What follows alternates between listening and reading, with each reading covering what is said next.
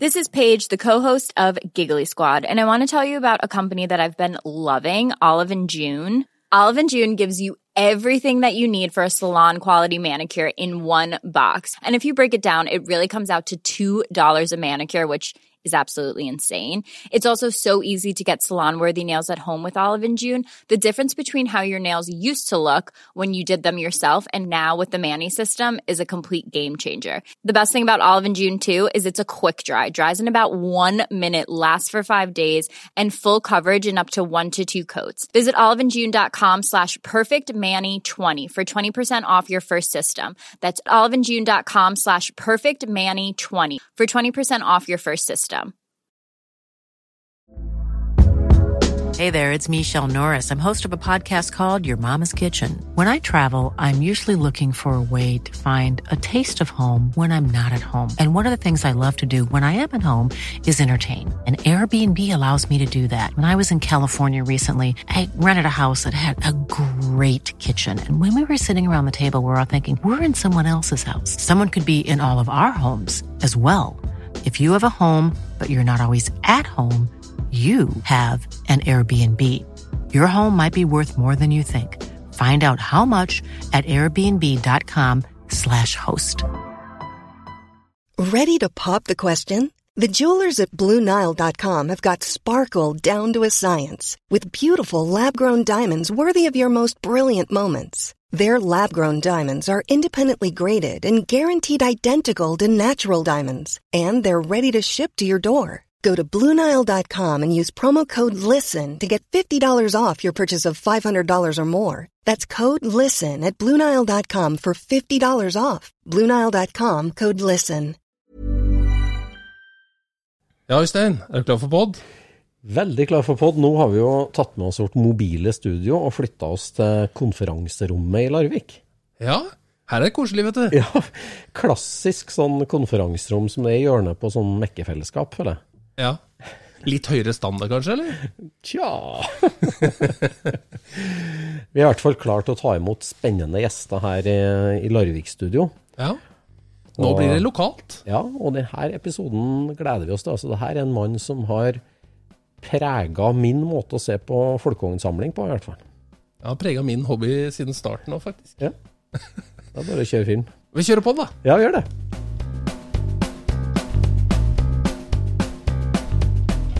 Du lytter nå til Scootspodden, en norsk podkast om klassisk bil med Jon Roar og Øystein.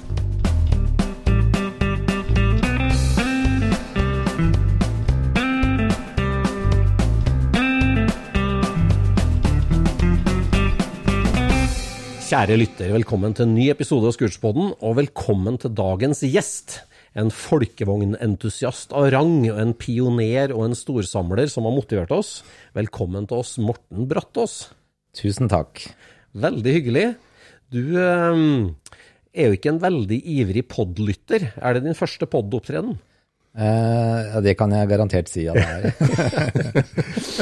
For Morten, nå skriver jo episode 152, men du hadde jo egentlig sendt oss et ønskebrev om å komme på episode 151. Hvorfor det?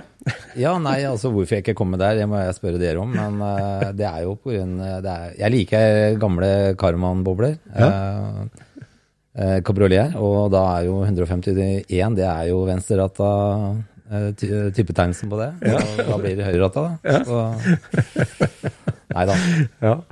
Nei, det er herlig. For du er jo jeg husker jo kjempegodt når jeg lånte kameraten min sin Masta 929 og kjørte ned på ekskursjon til Østlandet, det store, skumle Østlandet, for å møte de store folkevognsamlerne. Nå snakker vi midten av 90-tallet, og jeg kom ned til småbruket ditt oppe i Kvelde utafor Sandefjord. Eller Hedrum. Eller Hedrum, ja. Mm. Og kom inn på låven din, der andre etasjen var smekkfull av splittbobler, og første etasjen var smekkfull av blå, små papp, original folkevogndelesker. Det var så storslagent, og det var sånn mengde på det, og det var så sjeldne ting. Så jeg husker at for meg, da, som hadde holdt på liksom litt for meg sjøl oppe i Trøndelag, og kom ned dit og så liksom en av de store samlingene på den tida, da. Det var utrolig motiverende, altså interessant. Du var tidlig ute, Morten, med å samle mye. Ja, det var jo egentlig det begynte ikke akkurat rundt som samler. At jeg dreiv jo eh, Jeg vokste opp i en folkevogn. Alle onklene, faren min, alle hadde bobler rundt her. og mm, det blei jo veldig inspirert av det. Og så begynte jeg jo Jeg hadde sommerjobb på folkevognforhandleren i Larvik, Nesauto. Eh, og gikk læremida mi der, og fikk jobb der seinere, da. Men, eh, så det gikk jo liksom på de vanlige eh, 1300, 1302 og 03. Det var liksom det det gikk, da. Men eh, jeg blei jo med etter hvert i Folkong veteranklubben i rundt sånn 84. eh, og da blei interessen de gamle. Ja. Eh, og da fikk jeg tak i et par eh, veldig bra ovaler. Og jeg skulle ha meg splitt, men eh, det var jo ikke noe internett den gangen. eh, så du måtte liksom eh, leite etter det, da. Og jeg fikk jo tak i en splitt som mangla masse. Så grunnen til at jeg begynte å, å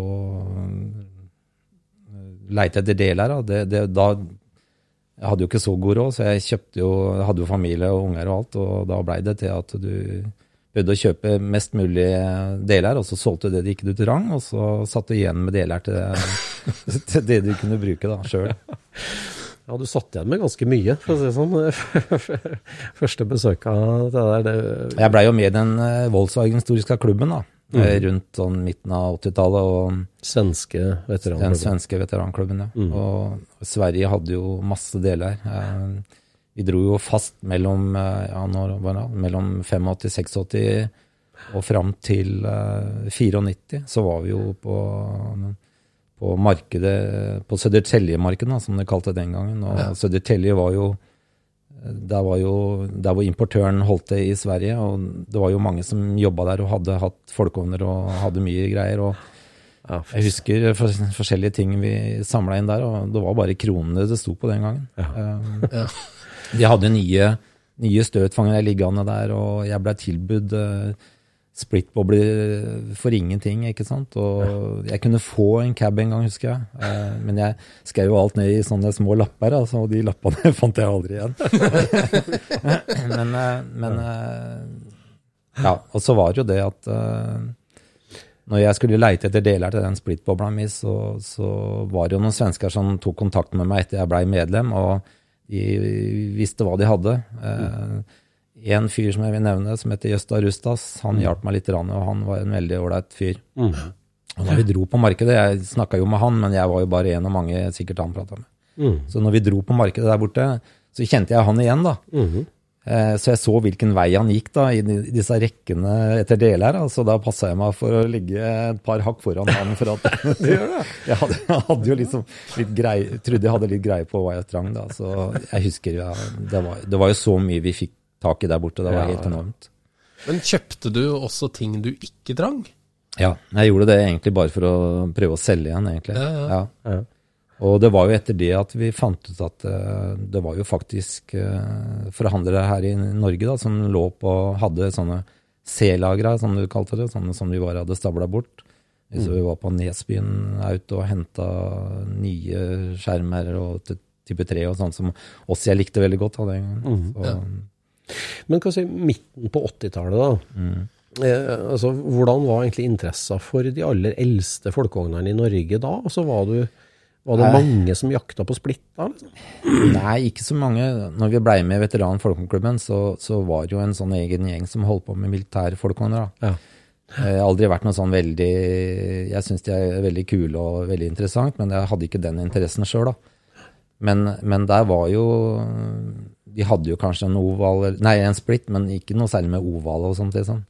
Eh, og transporter den gangen, ja, som jeg også blei veldig interessert i. For vi fant jo biler her og der. og når jeg gikk på yrkesskolen i Larvik, så hadde jo vaktmesteren Han kjørte jo rundt i en uh, 67 panelvan som var helt rustfri, men litt sånn uh, herja med etter hvert, da, ettersom vi henta deler med disse bilene.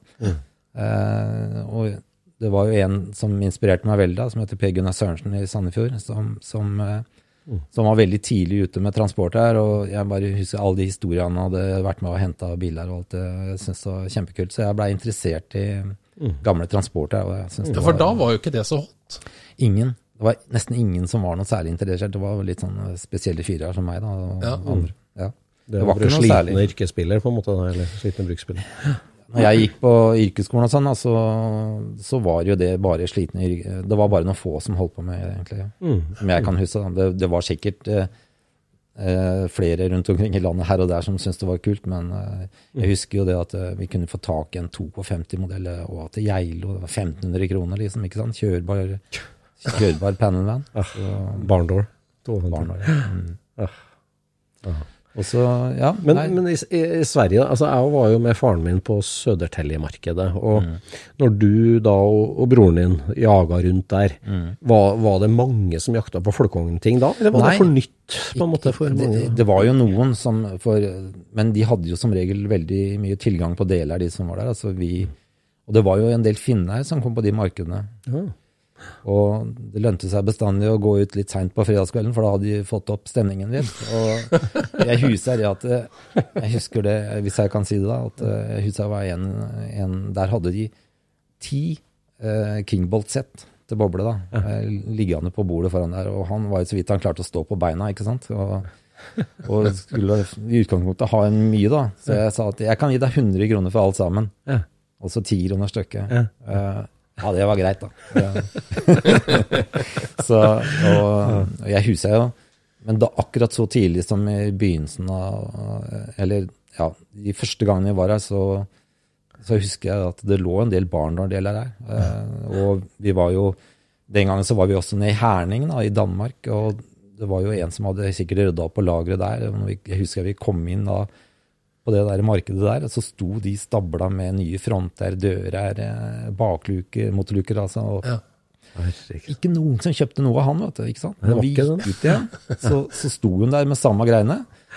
Vi kjørte da en, eh, en gammel Passat kombikupé som ikke hadde plass til noe. Så de blei nok i Danmark. Måtte bare dra fra det. Fy søren. Så da, altså den norske veteranklubben, da, VV-klubben, som du sier, det var et militærmiljø, og så Ja. vokste jo den etter hvert nyere og nyere. Ja, det gjorde det. For at når vi, når vi, blei med der, da, så, så Vi hadde jo kone og unger, mange av de, og vi, vi tok med det inn i klubben da, og så dro liksom på turer. da. Og vi hadde jo da begynte også med grensetreffa som vi hadde, altså Dan Danmark og Sverige, da, som vi var på. Og gjorde, fikk mange fine turer med de, da, med unger og alt sammen. Og da blei det liksom en sånn greie at det var flere som hadde med seg det. da. Mm. For der møttes jo alle tre land på grensa. Gjør ikke det? ja, på, det sånn? vi hadde det eh, en gang hver, eller annenhver gang, kan du si. Så Ja. vi hadde Jeg husker ikke hvem som hadde det første, men vi var i Sverige, husker jeg, ganske tidlig på grensa der. Mm. Eh, På, Ja, så da blir det en familiegreie mer ja, det en ble litt sånn sånn ja. gubbegreie. Ja. Mm. Det var litt ålreit.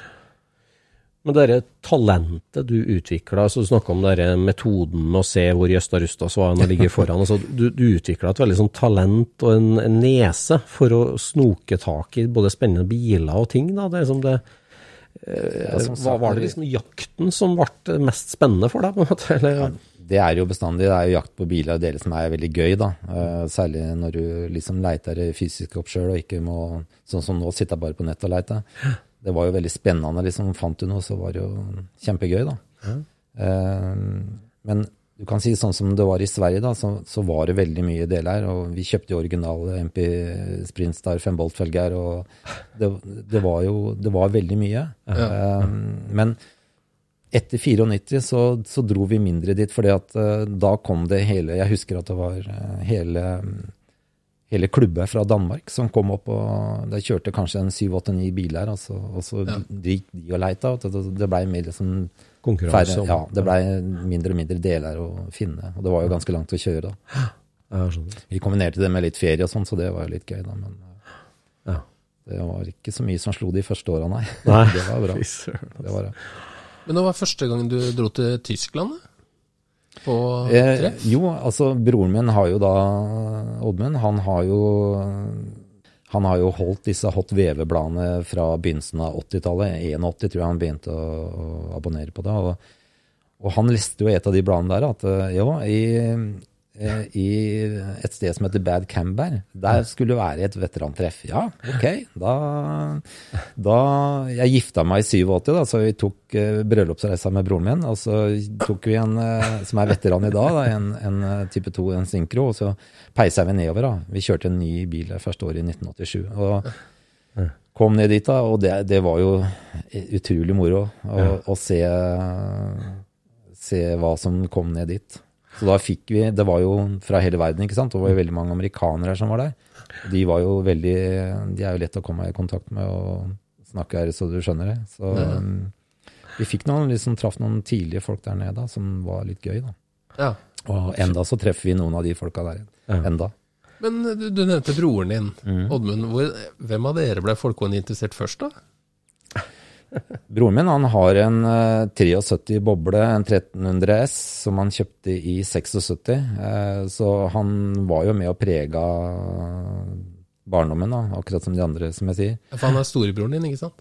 Eh, Jeg har eh, fire brødre, to over og to under. eh, Og eh, han eldste han fikk jo tak i en 54-modell, da, som var førstegangsbilen. Eh, og hadde det noen år. Den var jo utrolig sliten og slapp, men så kjøpte han en, eh, en, en 59-modell fra onkelen min, da, som kjøpte en eh, 70-modell. Fordi at onkelen min krasja litt med den. Og så måtte vi ha en ny, eh, ny forstilling, da. Så var det ikke rett å kjøpe en hel bil, så han kjøpte en 58-modell, husker jeg. Så, uten motor, da, selvfølgelig. Eh, og før han fikk liksom demontert denne bilen, da, så Vi hadde jo gård, da. Og vi hadde dyr og sånn, så vi kjørte liksom høy på låven. Og vi hadde en sånn vinsj der, da. Så vi dro denne gamle bobla opp på låven, da, og så var det å koble fra vinsjen, og så var det å hive seg ut av låvbrøda, og så fylle den opp med de yngre brødrene, og så trylla vi så langt vi kunne. så det var jo liksom veldig spennende, det, da. Så, Så kult. ja.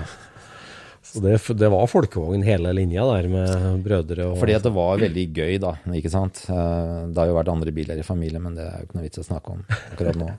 Det var liksom bobler da, som blei det store etter hvert. og jeg husker jo når jeg begynte som læregutt eh, på Nesaut i Larvik, da, og da husker jeg det at i kjelleren der sto det noen kasser med noen gamle deler, ikke sant? Ja. Og prøve å være lærling, da, så spør de der eh, dellagersjefene om- om du kan få kjøpt det, eller noen få det, eller sånt. Det var ikke snakk om. Han var så mildt der at eh, det går ikke an. Selv om seinere ble jo kollega og god venn med ham og, og nevnte det at ja, det var dumt at de kasta det, men som jeg sa til ham etterpå, at du bør ikke tenke på det, for at jeg kjørte opp på grinda etterpå, jeg, altså så henta alle de delene etterpå. Jeg avtalte med han som skulle kjøre det opp, ikke sant.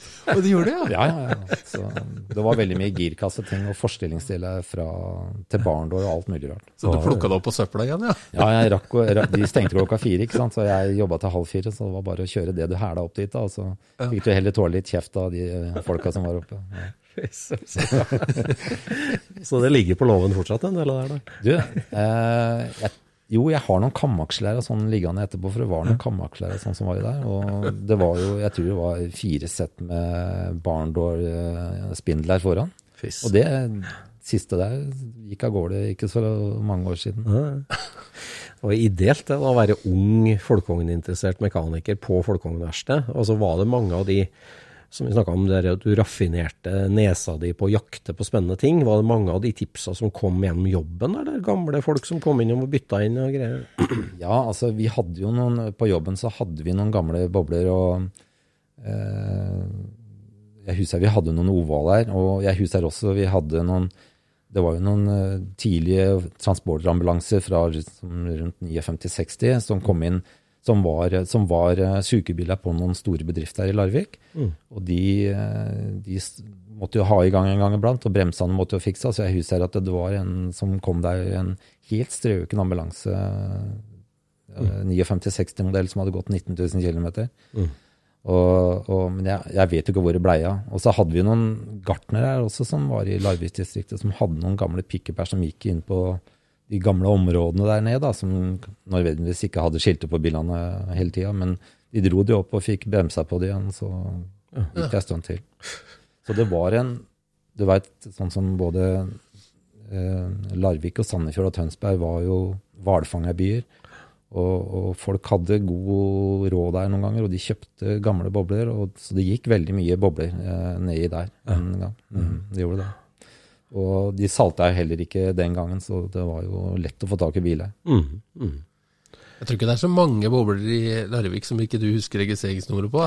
Nei, jo, det er det. Men, men, men vi, hadde, vi, hadde, jo noen sånne gode historier der, ikke sant. Vi, jeg husker at det var jo en helt rein plan 69 boble, ikke sant, som en beige en. Og så var det to gamle søstre som kjørte den, da. Ja. og, og, men så var det tur til deg på bilen, da. Turteller? Eh, turteller, ja. Montert turteller på, i dashbordet på den. Yes. Det var skikkelig kult, men jeg skjønte ikke helt hvorfor.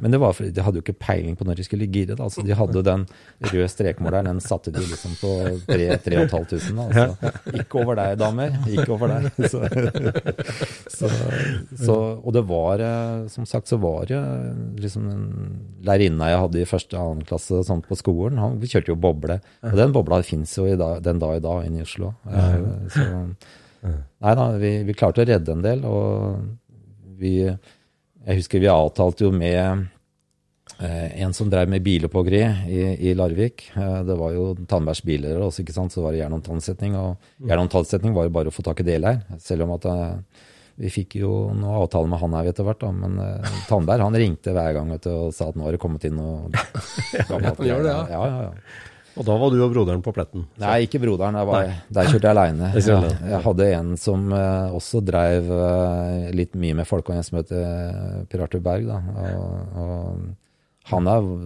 var vel ganske mye der nede og pella deler. Og jeg husker jo vi, jeg husker Det gikk jo veldig mange sånn ny, eller 66-67 og sånn bobler her på. De solgte jo masse av det òg.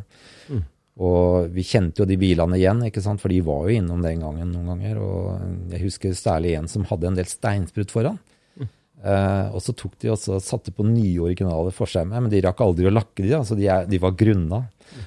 Og den bobla forsvant litt, og plutselig så sto hos Tandbergs bil der. vet. Og, ja. Men så hadde de jo løfta bilen i taket når de henta den, ikke sant? så det, bilen var jo litt ødelagt. Selv om vi kjøpte en del biler ut av Tandbergs biler for å fikse det og selge igjen. Mm. Ja, For det var jo ikke en ordentlig hogger, han solgte jo bare han, deler, han, egentlig. Ja, han krøsta ikke bilene, nei. nei. Han tok pella de reine, og så gikk de ut på jernhåndtak. og tann. Ja. Mm. Men uh, det var jo litt sånn artig da, at, uh, at uh, ja, De skjermene har jeg enda. ja, det har blitt noen biler. Har du noe tall på det? eller Hvor mange biler har vært gjennom?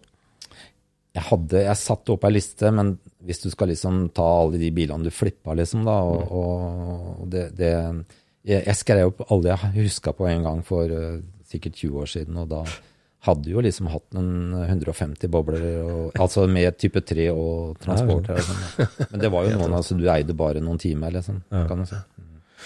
Du var inne på det med transporter og det, altså folkevogn type 2. Det, det, det, som du sa, at først var det jo veldig bobleinteresse, altså krigsmodellene og bobleinteresse. Og så transporterne kom liksom litt seint i gang. Som du sier, at på 80-tallet ja, så var det ikke altså, så mange som var på. De, de gutta som holdt på med, med Kybler, da, de, mm. de, de kjøpte jo transporter bare for å få reduksjonsbokser og forstillinger ja. og sånn. Mm. Særlig på de gamle barndårene. Altså de, de, de, pella, de, de, tok av det, og så lot de resten være. ikke sant? Ja. Um, jeg tenker, du, For du var jo veldig eh, tidlig ute med å samle på de aller eldste type toerne. Altså, du jo, har jo hatt mange barndårbusser, og det liksom, jeg tenker Når du seint på 80-tallet, tidlig 90 begynner å lete etter det, så det var jo mer kjørbart med en 67 og deluxe-buss. Men du, du, var veldig opptatt av de aller eldste jeg der. Jeg syns det var fine. Altså, når vi kom over noen, så syns jeg det, at de hadde overlevd. Eh,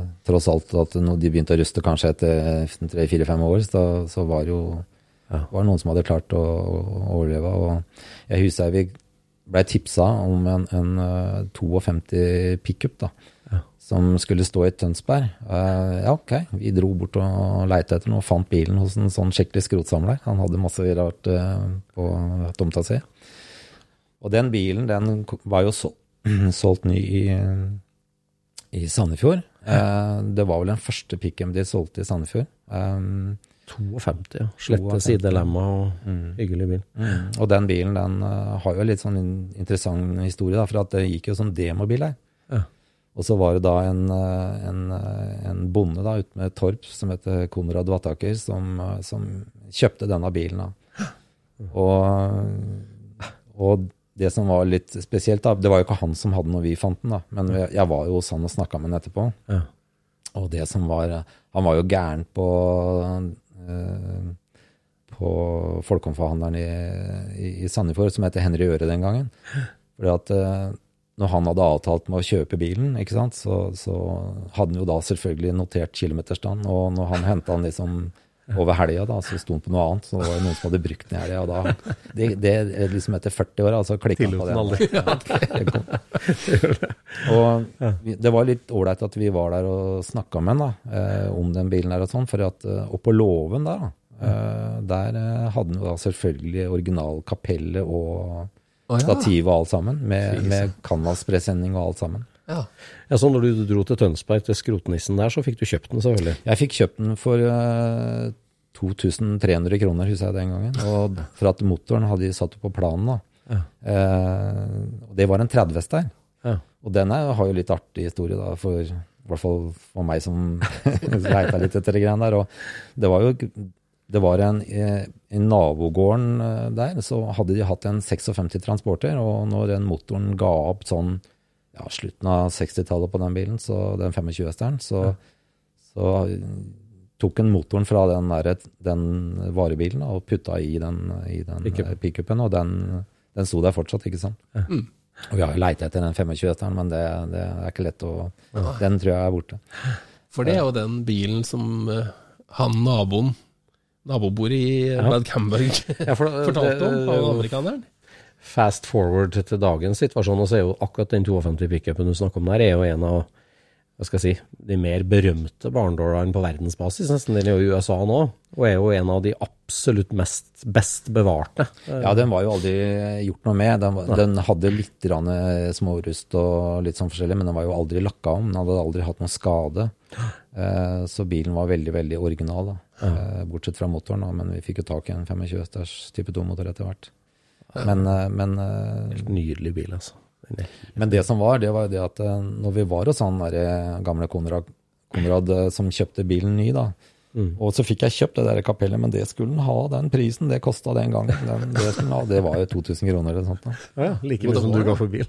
Så, så vi var og henta det da, og snakka med han. Og han gikk jo bort ikke så lenge etterpå, og da var jeg der og snakka med etterkommerne. da, Og så sa jeg det at hvis dere finner noen gammel transporterdeler etter han, for han var jo en, han var jo en nøktern mann. Eh, Så da ringte de meg, og da fikk jeg baklys og, og litt forskjellige smådeler som han hadde samla, for å være helt sikker på at bilen skulle Men siden den bilen har klart seg så utrolig bra, hva, hva brukte den den til han, da? Hva- Altså, Han brukte den jo på gården, men han var veldig nøye. Eh, og som har sagt at den, den gikk jo, den, den, Han slutta å bruke den sånn på slutten av 60-tallet. Han var en veldig nøye fyr. og etter den der hendelsen med det at bilen hadde gått lenger enn han kjøpte den, så fikk han jo lov til å stå på parkeringsplassen på Henry Øre da, og selge juletrær, og det gjorde han hvert år. da. Oh, ja. Så det var en sånn avtale som eh, holdt så lenge han kjørte den bilen. Så Nei, det var derfor han hadde klart seg, at han var nøye, og, Nøye og han hadde den inne hele tida. ja, det er en helt nydelig bil, altså. Jeg har sett den i California, den bilen, og den er jo skikkelig fin. Ja da, den, den var veldig bra. Den blitt tatt eh, veldig godt vare på etterpå, etter du hadde den òg. Ja, den gikk jo innom et par eiere i Oslo etter meg. Mm. Uh, og så forsvant den til England. Og var i England uh, ei stund, og da forfalt den litt. Mm. Men så var det vel uh, Richie King på Karma Connection som, eh, som kjøpte den og fiksa den litt opp og solgte den til USA, tror jeg. etterpå. Mm. Nydelig bil, altså. Mm. Men det, det er jo ikke en Altså, du har hatt mange fine barndommer. Du må fortelle litt. Altså, en av, en av de ytterst få Barndor de luxe-bussene som har overlevd i Norge, den fant jo du på en hugger, du. Nei, det, det er litt feil. Det var ikke jeg som fant den på en hogger. Eh, jeg kjøpte den av en annen folkehåndstørrelse, folkehåndsstørrelse, men jeg forska jo litt på bilen, da. Mm. og, og den hadde jo gått på noe hotell oppi Jeg vet ikke om det var førsteeieren, men han gikk på noe hotell oppe i Telemark et annet sted. Ja. Men den hadde jo A-skiltet, så den kom fra Oslo, egentlig. Ja. men det som var med den bilen, det var at eh, den, eh, den endte opp i Etter den hadde gått som hotellbil, så gikk den jo på Hoggern, da, oppe i Kongsberg. Og mm, det som skjedde der, det var at det, det var noen sånne studenter oppi der da, som fant ut at den bilen er jo fin å kjøre flyttelass på, nye som kommer inn. og Så de brukte den da til å flytte forskjellige hjelpe folk å flytte med. altså Altså han ble, ble tatt ut av høggeren, altså på en måte? ja, han ble altså, kjøpt ut av litt der oppe, ja. Eh, Jeg, hadde jo, jeg har kvitteringa. De ga 100 kroner for bilen. Jeg har kvitteringa ennå. Og det som var, det var at eh, de brukte den eh, noen år. De dro bl.a. til Tyskland med den bilen. Gjorde han det? Eh, på, som en sånn eh, hippiebuss, da. Eh, det var i 73 eller sånt da. Og der har jeg også bilder fra at de var der nede. da, og eh, Det som var litt kult, det var at når de kom til grensa da, fra Danmark og inn i Tyskland, så, så eh, ble de stoppa. Eh, og de kjørte uten hjulkapsler, og det fikk de ikke lov til, fordi de klipsa på felga de kunne være farlige, så det nytta ikke det, det greiene der. Han likte vel ikke folka der, men så fikk han hørt at de liksom kom fra Kongsberg, og der hadde jo han jobba som guide en eller annen gang inn i sølvgruvene, han derre tolleren. Og da var det jo bare å kjøre så fort du kunne. var bare å... Da var det greit. Da var det ikke farlig lenger. Ja. og det som skjedde med den bilen etterpå, det var at den, han, han som kjørte mest med den, som registrerte den på seg, han brukte noe det som arbeidsbil. Da. Ja. Og det som skjedde med den, det var jo det at den eh, havna jo på Hoff bilopphoggeri etter hvert. da. Eh, Den var eh, noen få år som lekestue hos naboene først. da. Så, ja. Jeg husker noen bilder av en der det er en sånn byggvarehusreklame eller sånt Mm, malt på den. Hva, hva var det for noe? Nei, ja, det, de, For å få råd til å bruke den og, og registrere den og ha den sånn, så hadde de litt reklame på den, forsto jeg. For han, han gikk som sånn flyttebil, holdt jeg på å si, oppe i, oppe i Kongsvinger. Kongsberg. Ja. Eh, men han blei lekestue, Ja. og der sto han noen år. Eh, til unga ikke gadd å ha han mer, så ble han på Hoff bilopphoggeri, som sagt, og der sto han i noen år. Og så ble han kjøpt opp av diverse folk eh, og havna borti Østfold under en låve, for det var der jeg så den første gang. For at under den låven så sto det liksom en 57 eh, buss. Eh, ikke deluxe, som en vanlig buss, som var skikkelig fin. Litt rusta, men veldig bra. Eh, den forsvant i en eh, garasjebrann noen år etterpå, den bilen, dessverre. Ja. Men den her klarte seg, da. ja. Så kjøpte du den der, ja. Nei, jeg kjøpte den ikke der, men jeg, jeg kjøpte den av han som kjøpte den der. For han, eh, størrelsen som kjøpte den etterpå, han eh, eh, satte den bort på noe yrkesskole som de skulle sveise, og den gangen så var det vel bare Weng som laga noe som ligna på et bøljeblekk, eh, som var av deler å få tak på. Så det blei sveisa en del feil hjulbur, og det var sandblåst litt feil, så den fikk litt juling, den bilen. Litt feil tid å arrestere buss Nemlig. på. Han var litt for tidlig ute. Mm. Ja, for det her er jo lenge før at Altså, det her er jo den egentlig dyreste serieproduserte folkevogna i dag, sånn i verdimessig. Ja, ja. Nei, det var Og ikke det her var jo lenge før det der tok av.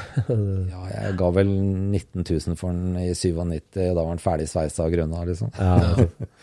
Men vi, vi fant jo noen biler oppover, det var jo mye biler oppover Drammen, Mjøndalen oppover der òg. Mm. Der kom jo den ene splitten jeg har herfra. Og jeg var og besøkte og fikk bilder av, av den bilen òg, når, de- når den gikk som vanlig bil. Da. For ja, hi- din interesse for historie på bilene, det er viktig for deg? Ja, det, det, det syns jeg er gøy. Med gamle bilder og, og folk som har hatt den og kan fortelle noen historier om bilen. Det, da får du litt mer personlig forhold til det. Mm, Mhm. Og vi var jo, vi, vi ble jo tipsa om et sånt gammelt lastebilverksted der oppe, som skulle stå noen gamle folk over. Mm. Eh, ikke verst, det var hoggeri. Unnskyld. Oppe i Mjøndalen-området? Ja, oppe i Mjøndalen og for Vestfossen oppover der. sånn. Eh, mellom Vestfossen og Mjøndalen, tror jeg det lå.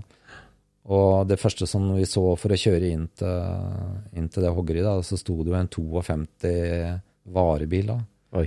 eh, som ikke de ville selge med en gang. Og jeg husker vi var nede og så på den da, og kikka og åpna dører, og da var jo to svære vepsebol inne der, så vi måtte bare springe.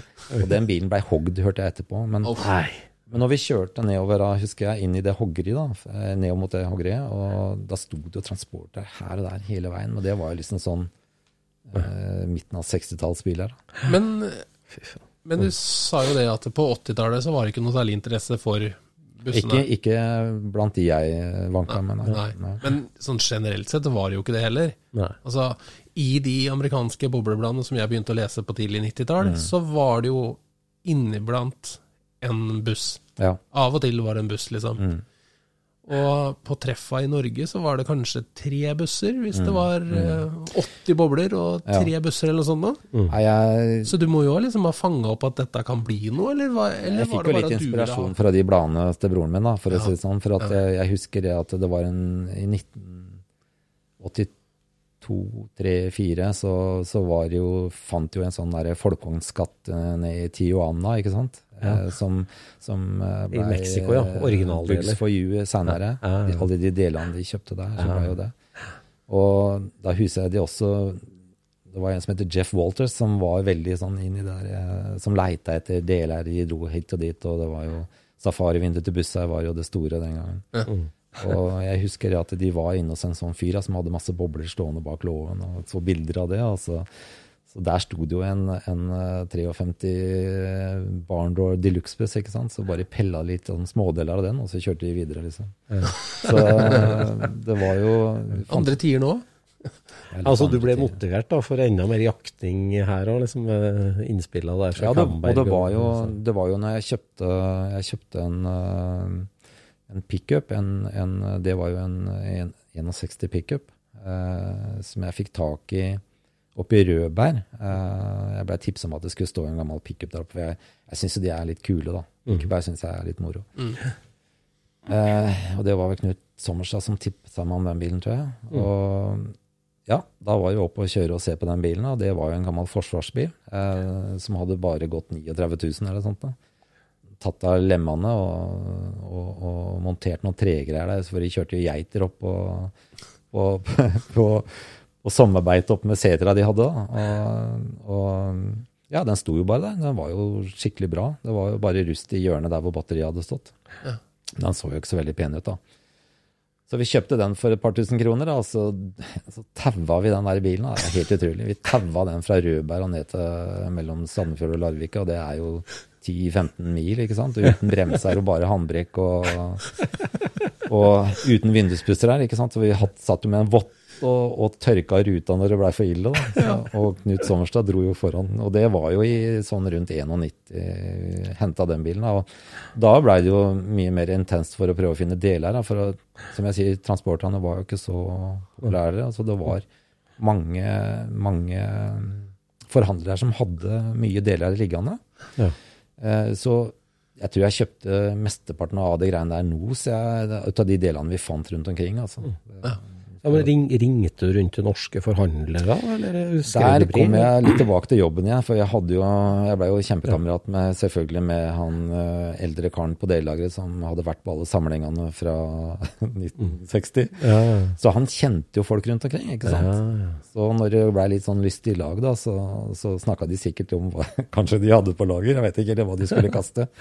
Så han, han kjente en, og ned på Sørlandet så var det en forhandler som hadde utrolig mye deler. Og han hadde jo ja, han hadde, Jeg husker det at eh, han hadde kommet over noen rare baklys. Eh, ja, kjøp alle, jeg kjøper alle sammen, sa jeg. Og det var jo da disse eh, 55-57 baklysa til transporter. Helt nye. En eske av de. ja. Det, det var jo bare veldig bra stemning da. og da fikk vi tak i veldig mye. Og vi jakta jo på sånn som lemmer og sånn. Gikk an å finne på biler som sto parkert i huset der vi var overfor. Vi dro jo på sånne steder som f.eks. det var, hadde jo eh, Kongsberg. De hadde jo, de hadde jo Kongsbergmoen. De, de hadde jo auksjon her, ikke sant? Militær, ja. Militærauksjon her. Mm. Og de solgte ut utrolig mye folkeovner. Og det var mye sånne bønder oppi der som kjøpte masse sånne folkeovner. til å ha på gårdene og suse litt rundt med de bilene. Og Vi kjørte opp på, gårdene der oppe og henta masse deler og masse øh, saker til de bilene. ikke sant? For det var jo ingen som var noe interessert i det, egentlig. Eh, så vi kjøpte, jeg kjøpte jo en, øh, en kantinebil på et sånt, en sånn auksjon der oppe en gang i Ja. 91 eller 2, 92 var det vel, kanskje. Statens kantiner, ja. Statens kantiner, ja, som hadde gått også liksom rundt 40 000. For da var jo disse kantinebilene var jo ingen som brydde seg om i hele tatt. Det var jo bare Ja. militære eh, historiske kjøretøyforbund og alt mulig sånt som kjøpte opp disse bilene for å ha liksom når de drev og kjørte i, i felten, da, så hadde de med seg sånne biler for å ha Ja. litt sånn kaffe og kaffe- og kakebiler. Ja, ja. som de ble designa for. Så Ja. ja. da, det var gøy. Ja, imponerende, altså. Jeg husker at jeg var i kontakt med mekanikeren på Henry Øre i Sandefjord. En rødhåra kar som het Ole Rune Moe. Ole Rune Mo, Ja. Og han Veldig ålreit kar. Eh, han var jo han som det ble vist til når du spurte om noen bobleting i disken der inne, så måtte du snakke med han. ja da. Og han, eh, han var jo en veldig artig kar, men, og han hadde jo masse kunnskap og deler og sånt noe sjøl også. Men han henviste til deg som jobba i, i Larvik, på Folkevogn i Larvik. Og da kom jeg jo borti deg, og siden det så har jeg jo liksom hatt helt skeivt inntrykk av hvordan du får tak i deler. For at hvis, hvis du spør deg, så, så har jo du greie på hvem du kan henvende deg til, hvis ikke du har det. Og du har jo også oppslagsverk, så du kan liksom finne ut hva som er riktig òg. Og så imponerte de meg veldig med at du hadde 49-modell som bruksbil. Ja, denne har jeg sin historie, da. Men uh, når vi snakka liksom om Ole Rune litt, da. Ja. Um, han hadde jo de samme interessene, han. For at eh, begge to var jo interessert i folkeovner og noen gamle amerikanske biler. Da. Eh, for broren min var russ i 74, og da dro han hjem med en 55 Plymouth. Og, og etter det så blei jo liksom livet aldri helt den samme. Eh, Nei, for du har et, du har et sånn plast så Ja, 50-talls det er- amerikanske hjerte, du. Det er jo sånn det er med det er, Du får jo noen sånne inntrykk når du ikke er helt uh, voksen, da, at du, at du har lyst på sånn bil. Altså, Du kan jo tenke deg hva slags GT-biler det var den gangen. Det var jo På den tida så var det sånn Cortina GT og Volvo Amazon 110. og De var, det, var liksom, det, var jo, det var jo ikke så veldig mange, da. Selv om naboen var jo veldig Cortina-fan. Um, mm. så blei jeg ikke helt skada han, da. Men, men amerikanske biler hadde store motorer, fine å høre, og, og litt sånn uh, Ja, siden vi er i Sandefjord, da, litt sånn hvalbåtgange. så, så du kan si kom jo i kontakt med Ole Rune, for jeg begynte å jobbe i, jobbe i Sandefjord etter hvert, og blei kollega med Ole Rune. Ole Rune var jo utrolig flink på deler og delenummer, og han hadde jo samme eh, sansen for eh, modeller og sånn som vi hadde. Og jeg husker jo det at eh, når han blei med, så Jeg skal ikke ta noe ære for det, men det var jo, jeg hadde jo vært en del og blitt tipsa om gamle biler og sånn. Jeg husker det var et sted eh, overfor Vivestad. Der var jo, hadde jo tenkt å fylle opp ei, en sånn dal da, med gamle bilvrak, eh, som aldri ble noe av. Og der sto det jo noen splittbobler, noen ovalbobler og litt sånn forskjellig. Ja. Så vi, når vi var der oppe, så, så sto jo resten av den der splitten der den gangen. Og jeg tror Ole Rune var her Vi var her en to-tre ganger og pella noe ting og tang. Og Ole Rune, han så jo Han var jo egentlig utdanna oppretter. Så han øh, så jo heller hva han kunne bruke liksom, forskjellige tinga på bilen som var igjen der oppe. Så han skjærte vel den bilen i stykker, tror jeg. Ja, For han var jo veldig flink på karosseri og sveise sammen og reparere bil, og visste hvordan det skulle være originalt òg. Ja, han var jo det. veldig fastlåst på å få ting helt riktig, Ja da, og usynlig. Mm, ja. Nei, han ville jo heller fikse originaldeler, og det var han jo tidlig med, enn å kjøpe repro. ikke sant? For Den gangen så var det jo ikke så mange som brydde seg om splitskjermer, eller For det var jo, det var jo greia i staten òg, det. liksom du, du ser biler der, så fra den tida, da, ja. fra 90-tallet og sånn, så var det jo De satt jo bare på noen skjermer. Den ga jo rakkeren i høyder på Det var ingen som så forskjell på skjermene den Nei, ingen, det var ikke det. Men det, det gjorde Ole, da. Så han tok vare på mye sånne deler og hadde det. Så Ja, han var den første som uh, snakka om bolthodemerking, med meg i hvert fall. ja, Det var han opptatt av. han var nok mer nøye der enn det. Ja, veldig ja. Så nei, det er veldig synd at han er borte. Jeg savner han nå. Ja, Mm. det er sant. Mm. Ja.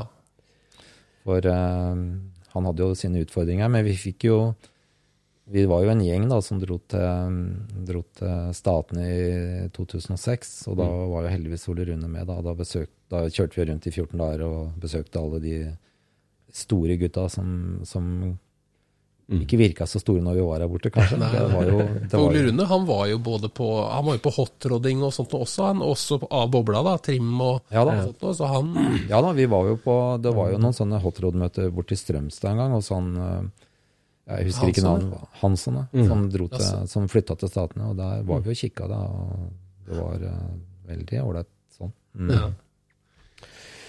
Vi snakka litt om transportere, men du har jo hatt mye bobler og, og splittbobler. Jeg tenker på ei veldig spesiell boble du har hatt, og det er jo en av de få gjenlevende KDF-bilene i Norge. Mm. original krigsmodellboblene.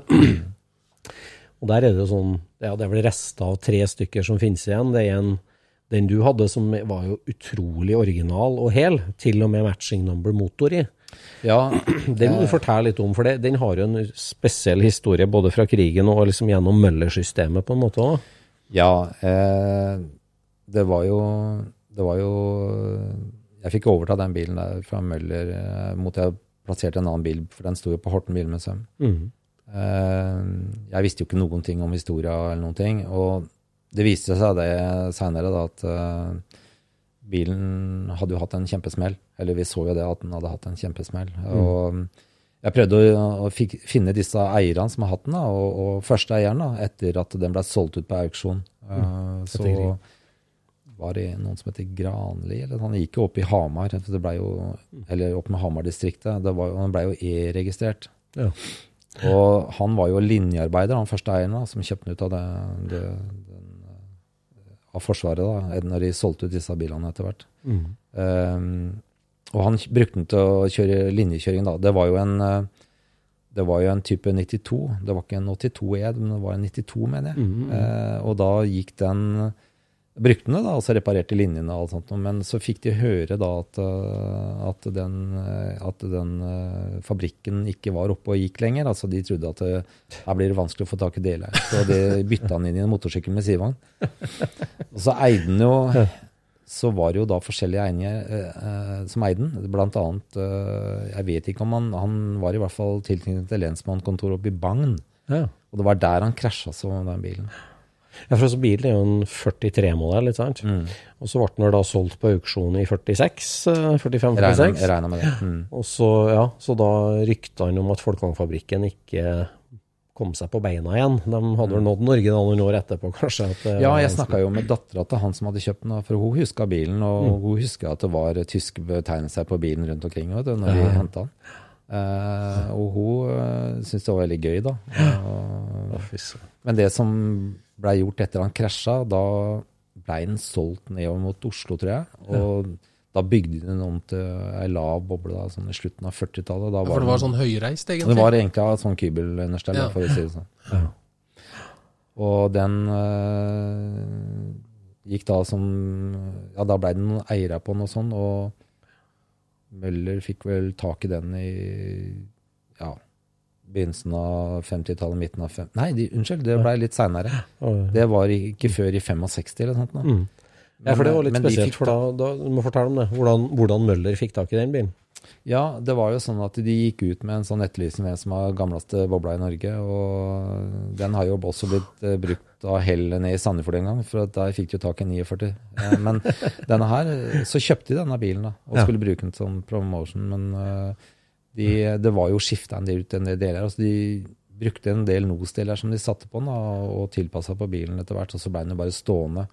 Og Møller de kjøpte jo flere bobler, mm. blant annet eh, en 52 da, som Øystein, nei, Øyvind Langslett eh, restaurerte, som, som ble et sånn hovedfokus. Og ettersom, det- ettersom det var litt sånn militærbil og ikke det var helt sånn riktig Ja, det var eh, De var ikke De ville ha den ene fine da, som var litt sånn Så de brydde seg egentlig ikke så mye om den bilen der. Nei.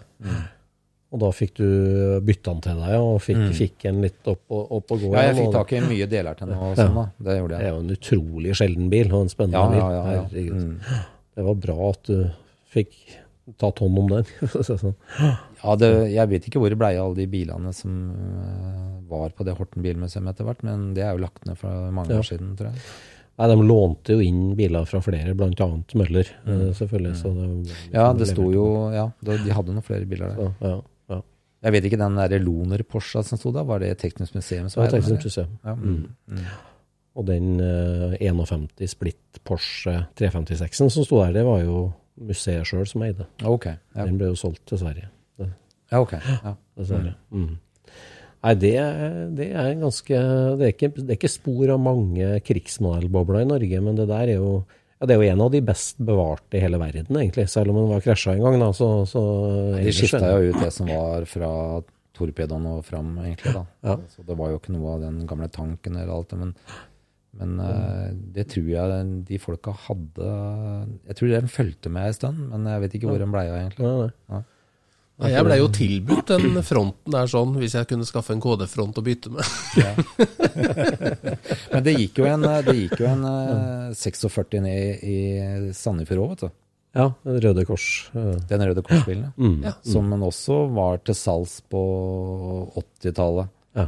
eh, for 15 000 kroner. For det er en sånn som du kan vippe passasjerdøra veldig langt framover. Mm, det var de store hengslene, vet du, som, Ja, stemmer. eh, som ikke det var noen dødstopper der, som du kunne få inn ei båre på hvis du trang det. Ja. Hvor havna den bilen til slutt, da? Den står i Holmestrand sitt er Ja, den gjør det, ja. Men den er tatt vare på, den, og det er bra, det. altså. Det er kjempefint. For at det, alle biler har jo hatt en sånn nullverdi nesten på de her, her, så det er jo rart at jeg har overlevd. Ja. Og særlig da kanskje disse gamle transporterne, ikke sant. Ja. ja, men en stor del av æra der har du, Morten. At det at Nei, du var så tidlig ut med Det å samle ikke- så mye, det- du har vært med å redda utrolig mange. Du solgte i hvert fall meg igjen. Ja, den, eh, den uh, Milta-bilen, ja. Ja. Ja, stemmer det. Ja, men det er veldig bra. Det er jo, Ja, heldigvis fortsatt. er det folk som har skjønt verdien av å ha det igjen her etterpå. Ja, ja. Um, men det var det jeg skulle nevne i stad, da. Eh, det var jo den, der, den, der, den lastebilhoggeriet som var oppi der. Og der fant du da en 51 vare. Ja. Men så mangla da selvfølgelig luftfilteret på den, og det var jo sånn T-luftfilter, da. Eller det var jo mange av de som hadde de syklonluftfiltra pga. at det var litt sånn mer, mer gruskjøring her. eh, som var for litt eh, møkkete veier, da, for å si det sånn. Ja.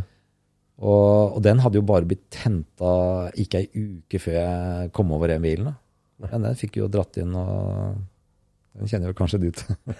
ja, den, ja. Ja, nettopp. Nå, ja. Og det var jo en utrolig bra bil, da. Ja, den 51. Den var veldig bra. Ja, den har jo vært innom litt forskjellige eiere, bl.a. undertegnede. Og nå er den jo strakk, eller den er jo helt ferdigrestaurert nå.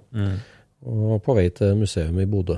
Veldig bra. Veldig bra. Så den er oppe og går, ja. Det er jo en veldig hyggelig bil, ja. Jeg tenkte Vi starta jo litt i kve- i dagens episode med å snakke om cab og type 151 og din Og det har vært en sånn greie hos deg hele tida. Husker du alltid snakka om kabriolet, at det er en spesiell bil, og det har hatt en spesiell status for deg. Og du har jo hatt flere etter hvert, men det var jo ikke lett å finne i Norge. Nei, altså Vi hadde jo Det gikk jo noen få gamle caber i, i Larvik en gang. Um, blant annet uh, den uh, 56 caben som havna også i Holmestrandsdistriktet, dessverre ble brant, som brant opp. Eh, som også har en veldig artig historie, da. At det var liksom eh, direktøren på Farrisfabrikken som kjøpte den i julepresang til kona si. da. Ja.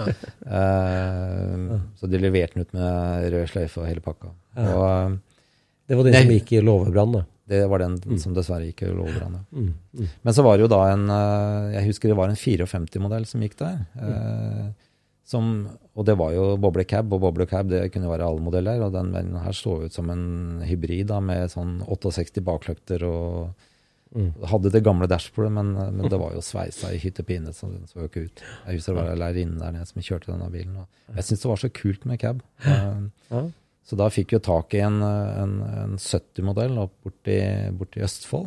Um, og den bilen, den uh, kjørte jeg med noen år og solgte den igjen. Og kom, så så jeg en gammel kompis i Sandefjord som kjøpte den. Og han sveisa den bilen opp, og den eksisterer en dag i dag. Den ja. tror jeg er svart nå. Eh, og så kom vi over av en eh, For jeg ville jo ha noe som var litt eh, nyere den gangen, da. Nyere. Ja, det var før det gamle greiene kom. Eh, men eh, vi hadde en Det var en, 6 en 79-modell Ja. som jeg fikk tak i i 86 ut av første eieren, som også hadde en sånn kjemperar historie. Yes. Eh, det var jo liksom eh, Det var tre kompiser som eh, i slutten av 70-tallet ville ha hver sin 13-trekk-cab. og de leita overalt, og alt var utsolgt. Det var ikke noe mer å få tak i. Men så fant de tre biler på, hos en forhandler borte i Canada. De gutta her var litt sånn worldwide. De eh, bodde vel nedover ved Luxembourg eller et sånt den gangen. Jeg er litt usikker på Eller Hellas. Ja da, de fikk skippa de tre bilene, da. En hvit, en sort og en, en River altså en, eh, sånn blåmetallic, da. Eh, Eh, og flytta de, så den liksom var klargjort i Canada. Og så hadde den første servicen da i, i Hellas. Og så var de da på turer i, litt med de bilene. Men ble brukt så lite, for det var litt sånn intens trafikk der. Og de, var ikke, de syntes det var så grei å bruke. Men den sorte og hvite, den, den ble, de ble brukt opp. Men her ble ikke det. Den sto veldig mye. Så dessverre så omkom han i ei flyulykke eh, tidlig på 80-tallet. Så flytta de da til uh, Oslo. Eller først så bodde de i England, så den hadde en service i London også, ikke sant. Og så hadde neste service hos Harald Meller i Oslo, da. Så den bilen den eh, kjøpte jeg i 86, og hadde da fram til til og med 91, tenker jeg. Og da når jeg kjøpte den bilen, så hadde den jo gått 29 000. Liksom. Den gikk på originaldekka og alt sammen. Og, og hadde ei veldig artig historie. Og den bilen vet jeg eksisterer ennå, men uh, River Blå, Ja. 79-modell. ja. stemmer. Ja. Jeg husker nummeret. her. Suget etter gammel cab Kommer kom jo etter hvert, kan du si. Og, Ja da, du skjønner, vi Når jeg var liten, så var jeg med faderen opp på et bilopphoggeri eh, opp overfor Skjem, mellom Tøn, utenfor Tønsberg. Og der var det en eh, Der sto det en cab, du. Opp, i hoggeriet. Og det var jo en eh, 65-modell. Og den hadde det, Jeg vet ikke det var om de visste noe papir eller om han ble taua inn av en eller annen grunn, men der sto jo denne bilen. ikke sant? Og øh, den forsvant plutselig. Og så var jeg jo overfor eh, Andebu et sted, eh, på et bilverksted der oppe. var jeg der og kikka på noen gamle Det sto masse gamle veteranbiler. Og sånn. Og der sto den der caben. Da Oi. Da var det en kar da, som hadde redda den. Ja. Eh, men det var jo Det var vel litt sånn eh, papirissue på den bilen der, så, så jeg hadde den bare litt, rann, og så solgte den til noe annet. Men det var litt artig da, at den bilen du hadde sett eh, 20 år før, den Ja, ja, dukket opp Ja.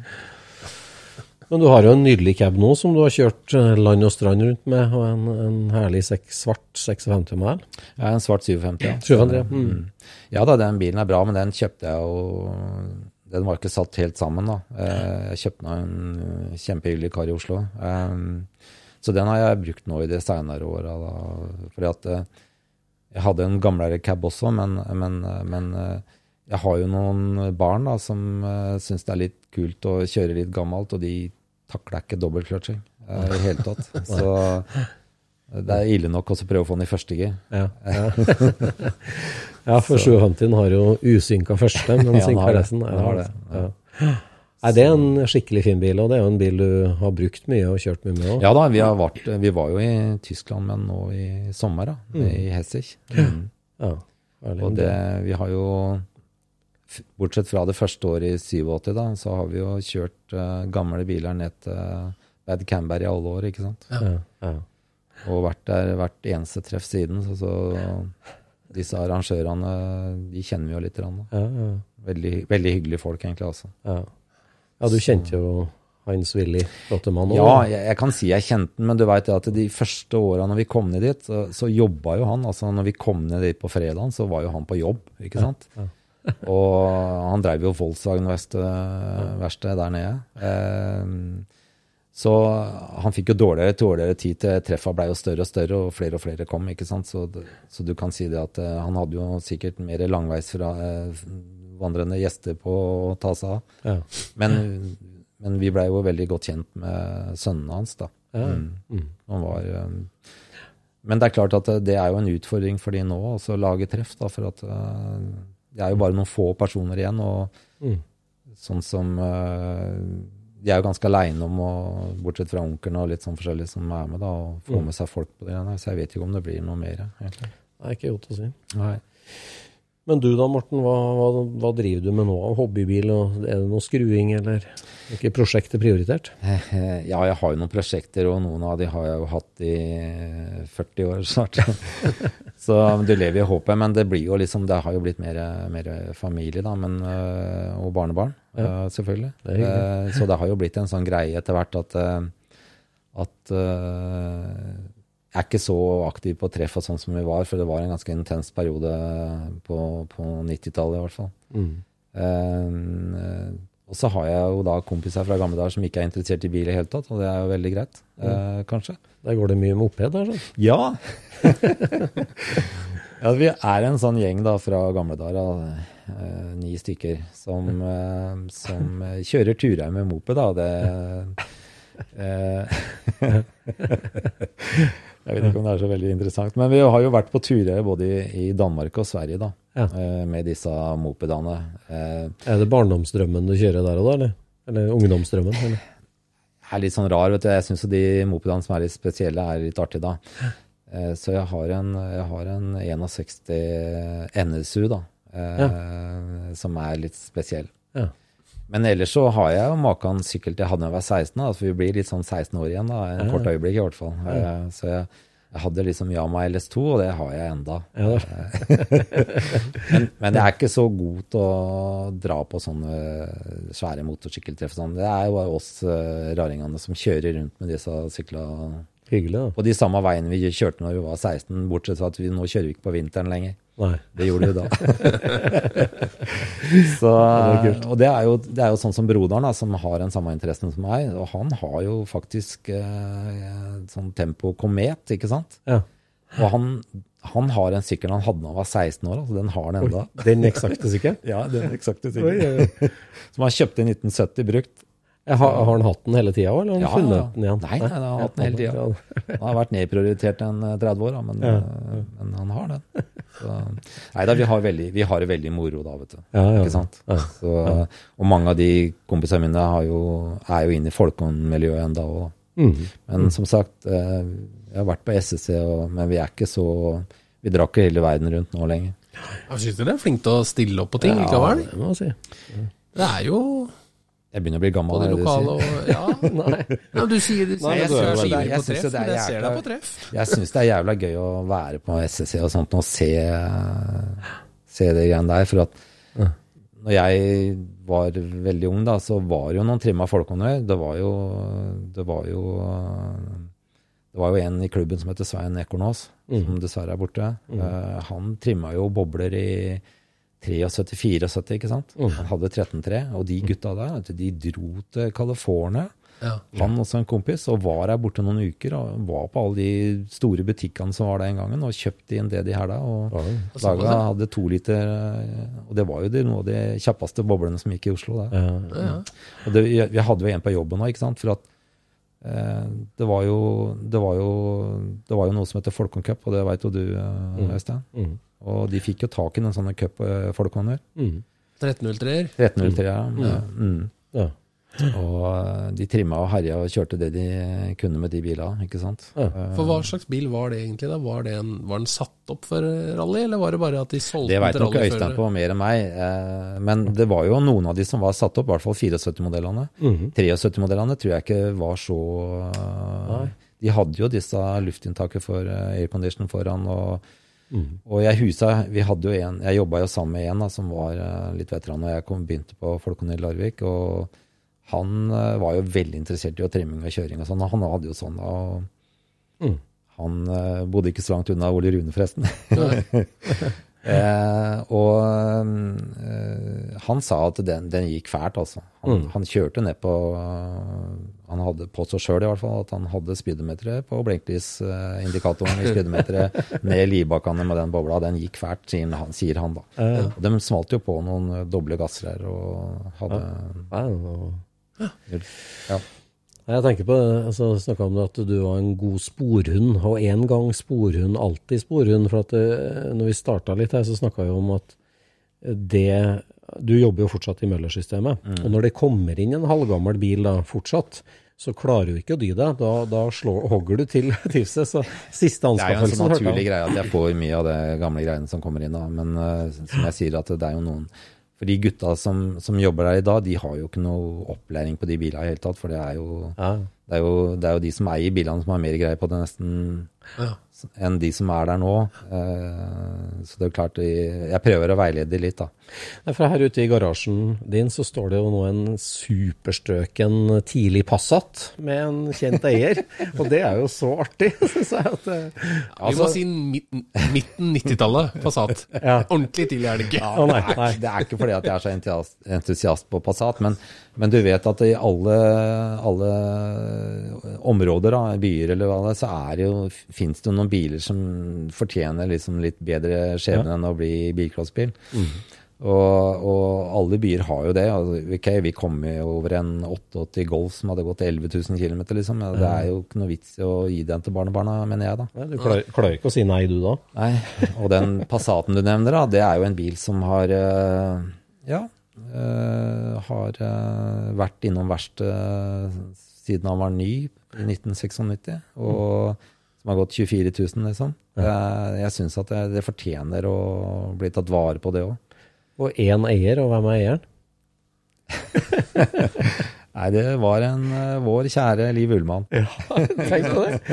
Det syns jeg er så kult. Men, men Hyttebilen de, til Liv hadde, Ullmann. hadde litt kule biler, vet du. Ja, For at du hadde også en Golf 4 da, med, med skinninnredning og blåmetallic og masse utstyr. Og, um, Jeg syns det er så kult, Morten, at du, du, liksom, du er så tro mot kjernen i hobbyen din, med liksom å jakte etter de spennende tinga og hogge på. Du, du, du har vært i gamet lenge og kan de triksa, altså. for at det, sånn som det er i dag, da, så er- liker du enten gamle Falconer, eller så liker du eh, Golf R, ikke sant? Så det er liksom eh, Men de som de, Sånn som den ja, for eksempel, Siden vi nevnte den Passaten, så er det jo ikke akkurat noen den, Du får jo ikke eh, ståpels av den, noen av de guttene som jobber her. Men det er jo litt gøy at han har klart seg, liksom, Ja, det er jo Da, da er bare ny prøve at noen kan videre Formidle den historia videre, liksom. Altså Ja. At den fortjener liksom en sjanse, samme søren om det er en Ja, absolutt. Passat eller hva det er for noe. Ja, ja. Og så er det et eller annet med at Sandefjord, eh, som har bl.a. Jotun, der har det jo vært bestilt mye rare biler og sendt ut fra Sandefjord òg. Og der har du eh, noen, noen bøker, har du ikke det? Jo da, jo da. Jeg har, eh, jeg har Og den fikk jeg Ole Rune. For at det blei jo fra, fra Henry Gjøre til Nessauto Sandefjord, som det blei en stund da, på midten av 80-tallet, så, så hivde det jo veldig mye. Altså, Sandefjord de hadde veldig mye gammelt, for det, var en, det er en av de tidligste Volkswagen-forhandlerne vi har i landet. Ja. Eh, og oppå de gamle loftet, oppå oppretterne der, der vi gravde, og i Samuggen vi fant jo Nos 25 hesters forgassere, bærermer tidlig, tidlig, eller sein 40-talls boble, og det, var, det var masse greier der, altså. og, og alle de bilene da, som ble solgt mellom 859 og til sånn 85, da, som, som det ble i et annet firma, det kasta de jo bare i containeren, og Ole Rune drev jo med sånn containerrykking, heldigvis. Eh, og fikk tak i noe av den historia der. Altså. Ja, Han fant en bok hvor de hadde skrevet ned alt de hadde solgt, var det ikke sant? Så er det noen som har eh, gamle LY-biler, eh, så er det bare å spørre meg, for jeg har eh, jeg har motornummer, jeg har nøkkelnummer, jeg har lakkode, jeg har alt sammen til biler der. Sånn. Så det er jo, hvis det er noen som har det, har, det er noen som har spurt, og det er noen som har hjulpet, så bare å spørre, altså. Det er bare moro, syns jeg. Og det, det er jo Og det som var litt interessant, da, for jeg har jo like, jeg liker type 3 òg, jeg, ikke sant? Og det er sikkert eh, biler som er tidligere enn den, men de hadde, de hadde faktisk en type 3 som hadde sjassnummer 1500. Oi. Og det er tidlig, altså. Som ble solgt der. Som ble solgt, ja. Som ble, kom dit i høsten 61. Nei, det er herlig. Det er herlig. Veldig hyggelig å prate med deg, Morten. Og veldig trivelig at du, har, eh, at du deler så mye av kunnskapen og det du sitter på. Og at du har vært med og berga så mye både deler og biler til hobbyen. Og det har virkelig berika den norske hobbyen. altså Det er ingen tvil om. Nå er det jo mange som har inspirert meg i den, der, eh, den VV-gjengen der, da, som, som var tidlig ute. Og ja, det er jo så mange hyggelige, ålreite folk rundt omkring. Ja, det er det. altså. Det er, eh, det er ikke alle som er med det lenger, dessverre. Men, eh, men eh, det er jo litt Hvis det er noen som gidder å høre på, så er det jo litt gøy å fortelle om noe. Da. For at det var en helt annen tid når vi begynte, og mot det det har blitt. Og det har jo Det er veldig gøy at det har blitt sånn at noen redder alt det som er dårlig, men for at det var jo en grunn til de satt ut i skauen en gang i tida. Ja, så når vi trang nye dørhengselpinner til eh, Tinnsoldaten, så dukka de bare opp på mekkeplassen min her, og da var det Gått på lageret på Morten låven. vært på lageret sitt. Ja da. Ja. Nei, jeg, jeg, jeg syns det, er- det er gøy sjøl altså, også videreformidle, særlig den historien som dere prater om. Da, at, sånn, at hver bil har jo sin historie. Og, og fra vi på slutten av 80-tallet Så, så, det var jo ikke akkurat så veldig mye annet enn video. Vi, vi, jeg husker vi var ute i skauen og videofilma, vi fant biler der ute. Så Ja. den kan du låne en gang, Øystein. Den gleder jeg meg til. Redigere den der. Brattås Brothers samlede arker. Herlig. Nei, Morten. Tusen takk for at du svingte innom Scootspodden. Det setter vi stor pris på. Ja, veldig hyggelig å prate med dere òg. Mm. Hyggelig, Morten. Vi snakkes. Ja, det gjør vi takk. Fint, da. Hei. Scootchpoden produseres av SSC Media, med god hjelp av VV Norge og Trond Dahl for hosting, Knut Micaelsen for musikk. Abonner på Scootchpod via podcaster eller Acast, og følg Scootchpod på Instagram og se det vi snakker om. Der kan du også komme med kommentarer og innspill, og fortelle oss hva du vil høre om.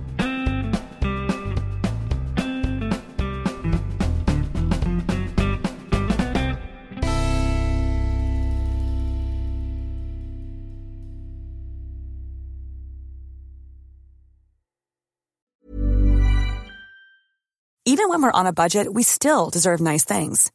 Quince is a place to scoop up stunning high-end goods for 50 to 80% less than similar brands. They have buttery soft cashmere sweaters starting at $50, luxurious Italian leather bags, and so much more. Plus, Quince only works with factories that use safe, ethical, and responsible manufacturing. Get the high-end goods you'll love without the high price tag with Quince.